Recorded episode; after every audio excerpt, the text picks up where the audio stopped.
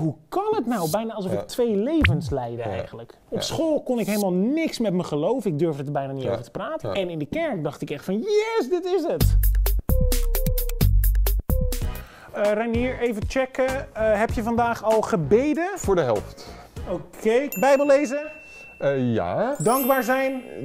Ja. EO Beam gecheckt op Instagram? Nee. Kaarsje gebrand? Nee. Lied gezongen? Half. Half lied, oké. Ichtes eh vis gepoetst? Ja, dat heb ik echt heel goed gedaan. Goed dat zo. is- heb je is echt, denkstof gekeken al? eh, Nee. Oké, goed. Ja, even de checklist of jij wel een goede christen bent, hè? zo En- door de week. En, en eh, kom ik er een beetje goed af? Of is het, eh, Ja, medium. Een gemiddelde christen ben je. Oh. Ja, maar goed, nu kunnen we in ieder geval beginnen. Welkom bij Denkstof. In deze serie bespreken wij elke aflevering een thema dat in ons hoofd zit en dat we belangrijk vinden. En vandaag hebben we het over wat heb je aan Jezus op bijvoorbeeld woensdag. Want op zondag zitten we in de kerk. Hè? Dat is een hele duidelijke uiting van ons geloof. Dan vieren we, dan luisteren we, dan zijn we stil. Maar door de weeks is dat vaak heel anders en merk je veel minder verschil aan een christen en een niet-christen. Laten we eens beginnen bij ons eigen denkstofpanel. Want wat heb je dan aan God door de weeks? Nou, ons panel zegt: ik heb elke dag iets aan Jezus, 82%. En 18% zegt: ik heb niet elke dag wat aan Jezus. Ik moet eerlijk zijn, ik, heb niet, ik ervaar niet elke dag iets van Jezus. Mijn eerste reactie was ook toen ik, oh, volgens mij zit ik ook bij die 18%. Maar toen dacht ik, daarnet zei je, begon je iets te zeggen van ja, ik ervaar het niet elke dag. Toen dacht ik van, oh ja, misschien, ik denk ook wel dat het bij mij zo zit. Dus inderdaad, er zijn, gaan dagen voorbij dat ik niet aan mijn geloof denk of dat ik niet daar actief mee bezig ben. En dat, dat is eh, nou, misschien wel beschamend. En Hoezo heeft beschamend het- eigenlijk? Ja, nou ja, je bent dan de huistheoloog eh, van eh, Denkstof. Ja. Dan zou je toch heel, zo erg- zegt, is heel vroom wel- moeten zijn. Hè? Dan, Ja. ja. en voortdurend eh, met God bezig. Maar voel je je echt beschaamd, zonder gekheid? Eh, ja, eigenlijk wel een beetje dan. Al- Als nu ik dit zo moet zeggen, dan denk ik van, hè, wa- waarom? Waarom is dat zo? Oké. Maar nu ga ik hem goed praten. Dus dat, dat, dat helpt. Snel! Snel. Nou ja, weet je, geloven en Bijbel lezen en naar een kerk gaan en daar met mensen over praten, is, kun je ook zien als trainen. Dat, dat gebeurt er, denk ik. Dus je gaat even, net zoals bij een sportschool, je gaat even intensief er tegenaan. En daar, weet je, de rest van de week denk je daar ook niet aan. Denk je niet aan je betere conditie, ben je er niet actief mee bezig. Maar het heeft wel degelijk effect op hoe je beweegt en wie je bent. En dat is denk ik wel degelijk ook met geloven aan de hand. Dus. Natuurlijk, op het moment dat je een uur per week vol eh, aan God, eh, met God bezig bent, het beseft dat hij aanwezig is, dat hij van je houdt, dat het leven waardevol is en dat uiteindelijk God het kwaad gaat overwinnen. Natuurlijk heeft dat een of ander effect op hoe je leeft. Eh, Wat zegt de Bijbel er eigenlijk over? Daar hebben we een mooie Bijbeltekst bij. Leuk. Vergeet nooit, en Jezus zegt dat, ik ben altijd bij jullie. nou, dit is echt Bam! duidelijk. En heel Ja. mooi. Ja, ja, dit is een van de laatste zinnen van, van de Matthäus-evangelie. Jezus is opgestaan eh, uit de dood en hij was natuurlijk altijd een concreet persoon. Eh, 2000 jaar geleden in Israël gewoon een mens en Ja. Gods zoon tegelijk. En als hij is opgestaan, is hij baas van het heelal geworden. Dus hij is vervolgens overal aanwezig. Dus hier en nu is Jezus aanwezig. Hij is hier bij ons. Dus dat mogen we weten. Hij is altijd bij ons. Hoe Ja. ver weg je misschien Ja. ook denkt dat hij is. Toch kan er echt wel een verschil zitten tussen hoe je je in de kerk gedraagt en hoe je je dan ook voelt. Ja, en hoe dat dan door de weeks is. Ja. Ik weet dat ik dat, ik had dat echt heel erg. Dat ik dacht van, hé, hoe kan het nou? Bijna alsof Ja. ik twee levens leidde eigenlijk. Op school kon ik helemaal niks met mijn geloof. Ik durfde er bijna niet over te praten. Goed, dat, dat is misschien niet gemiddeld, maar dat had ik. En in de kerk dacht ik echt van, yes, dit is het. ja, dat is een beetje jammer. Ja, dat En, vond ik dat, ook. En eh, het lijkt ook wel weer een beetje op die sportschool, want, want dat lijkt ook wel eens twee levens. Je zit daar maar eh, aan gewichten te heffen en ja, buiten de sportschool ben je nooit eh, deze beweging aan het doen. Maar het, het kan je trainen als de goede kerk is en het klopt en het is relevant, dan gaat het je trainen in een ander mens worden. En we hebben daar ook een mooie aflevering over gemaakt trouwens. Hè, over de kerk en welke rol Ja. die speelt binnen het geloof. Dus die moet je ook maar eens kijken.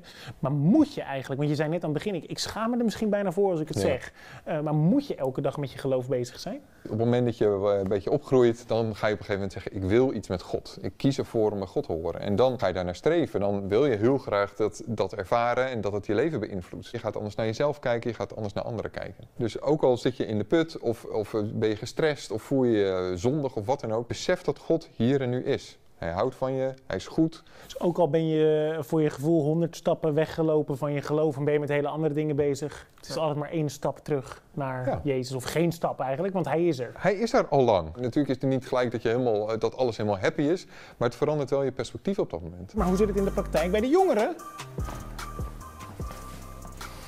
Hallo, de stelling van vandaag is: ik heb elke dag iets aan Jezus. Ben je het daarmee eens of oneens? Ik ben het er wel mee eens. ehm, want ik merk gewoon door heel veel eh, kleine dingetjes heen, dat ik gewoon door de dag heen merk dat hij er is. Dat kan dus zijn door dat mensen iets zeggen, maar het kan ook gewoon door dingen die gebeuren die dag dat ik denk, hé, hey, dat is van God. Is dat iets waar je mee bezig bent dat mensen aan jou zien, bijvoorbeeld dat je gelovig bent? Ik denk dat het gewoon je uitstraling is. Dus wie je bent voor andere mensen en wat je wel en niet doet, welke keuzes je maakt.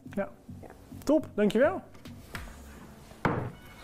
Hallo, Hallo, ik ervaar elke dag iets van Jezus. Ben je het daarmee eens of oneens? eens. Ja, zonder twijfel? Ja, zonder twijfel. Nee, ik denk in de wereld waarin we vandaag leven dat het best wel lastig is om je staande te houden, om niet te voldoen. Of dat je het gevoel hebt dat je moet voldoen aan alle maatstaven. Ja, ik heb daarvoor echt wel Jezus nodig om te geloven dat ik, dat ik goed genoeg ben. Het is niet dat God elke dag een vet woord spreekt of ik elke dag iets ervaar, maar wel dat ik denk, ook al voel ik het niet, is God er nog steeds. Hoe zorg je ervoor dat je dat door de week dan ook eh, hebt? Ik probeer wel echt elke dag even de dag te beginnen met God, hoe lang of hoe kort het ook is. Omdat ik zelf echt ervaar dat ik het nodig heb en dat ik het niet alleen kan doen. Tof, dankjewel. Ja, geen probleem.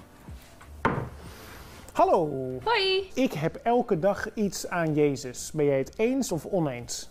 Ehm, ik ben het daarmee gedeeltelijk oneens. Ik denk namelijk dat je niet op elk moment van de dag bewust bent van zijn leiding. Ehm, ik maak namelijk tal van keuzes zonder het eerst aan Jezus te vragen. Achteraf denk ik dat je onbewust dat hij altijd wel iets voor ons doet elke dag. Hoe doe jij dat door de week? Op de ene dag heb ik meer steun aan Jezus nodig dan op een andere dag. En soms kan er ook wel een dag voorbij gaan zonder daar heel erg veel aandacht aan te besteden. En eh, wanneer heb je bijvoorbeeld meer steun nodig? Ehm, als het slecht met me gaat, thuis of op school. Neem jij als je naar school gaat, ook eh, is een persoonlijke vraag, neem je dan brood mee of zo? Ja.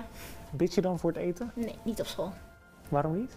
Ehm, ik vind dat lastig om dat op school te doen. En het komt niet altijd even mooi uit om gewoon midden in de aula te gaan staan bidden.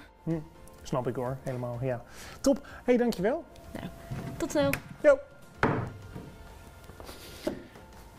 Ja, kijk Reinier, op zondag dan hebben we de kerk. En dat is natuurlijk een Ja. hele mooie uiting van je geloof. Als je in de kerk zit, word je bijna verplicht om, om met je geloof bezig te zijn. Ja, om dat te oefenen en dat, Ja. ja. dat te trainen als het ware. Ja. Maar hoe doe je dat dan door de week, als er honderdduizend andere dingen zijn waar je druk mee bent?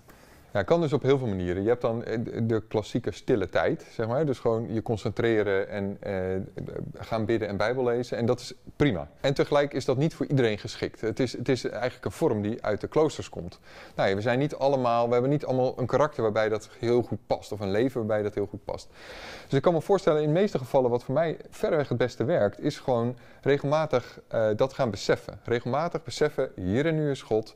Hij vult alles, hij is overal bij. Ik, ik loop als het ware door God heen als ik me beweeg. Dus het realiseren van God Ja. is hier en nu Ja. bij mij. Ja, dat is het. En dat- doet iets met je. Dus ik merk inderdaad dat op het moment dat ik da- me dat besef, dat meteen de, de spieren in mijn gezicht ontspannen, dat ik op een andere manier naar jou kijk, dat ik anders in het leven sta. Maar ik zei het net natuurlijk al een beetje voor de grap van... kun je dan op school eh, voor, je, eh, voor je boterhammen gaan bidden of zo? Want je wil wel dat verschil laten zien. Die behoefte voel ik wel zo van... ja, ik wil Ja. wel dat ik als christen dan een soort van anders ben dan niet-christenen. Nou ja, als je het doet om te gaan bewijzen voor jezelf of eh, voor anderen dat het toch vooral heel relevant is, dan zou ik het vooral maar niet doen. Want dan gebruik je eigenlijk dat gebedje om een punt te maken. Dus dan ben je met God aan het praten, maar dan gebruik je dat om een punt te maken naar anderen. Dat is niet helemaal eerlijk naar God toe. Eh, op het moment dat dat uit je, eerlijk oprecht uit jou komt, natuurlijk ga je dan bidden op school of op je werk of wat dan ook. Eh, maar ik denk dat het daar niet over gaat. Dus de- het voortdurende besef dat God liefde is, dat hij bij je is, eh, dat het leven waardevol is, dat het leven goed is, dat gaat verschil maken. Daardoor ga je anders dingen aanpakken. En dan weg met de to-do-lists en dingen moeten. Van daaruit kun je dingen gaan verzinnen. eh, wat dan, hoe, hoe dat concreet handen en voeten geeft, maar niet andersom. Niet vanuit de to-do-list van oh jee, en dan maakt het verschil. Say no more, Reinier. Je gaat alles uitwisselen. Zo. Oh, oh, oh. Die is weg. Toch? Een hele opluchting, hoor niet? Dat was heerlijk om te doen. Dit was Denkstof voor deze week. Volgende week zijn we bij je terug met een nieuwe aflevering. Dank Reinier.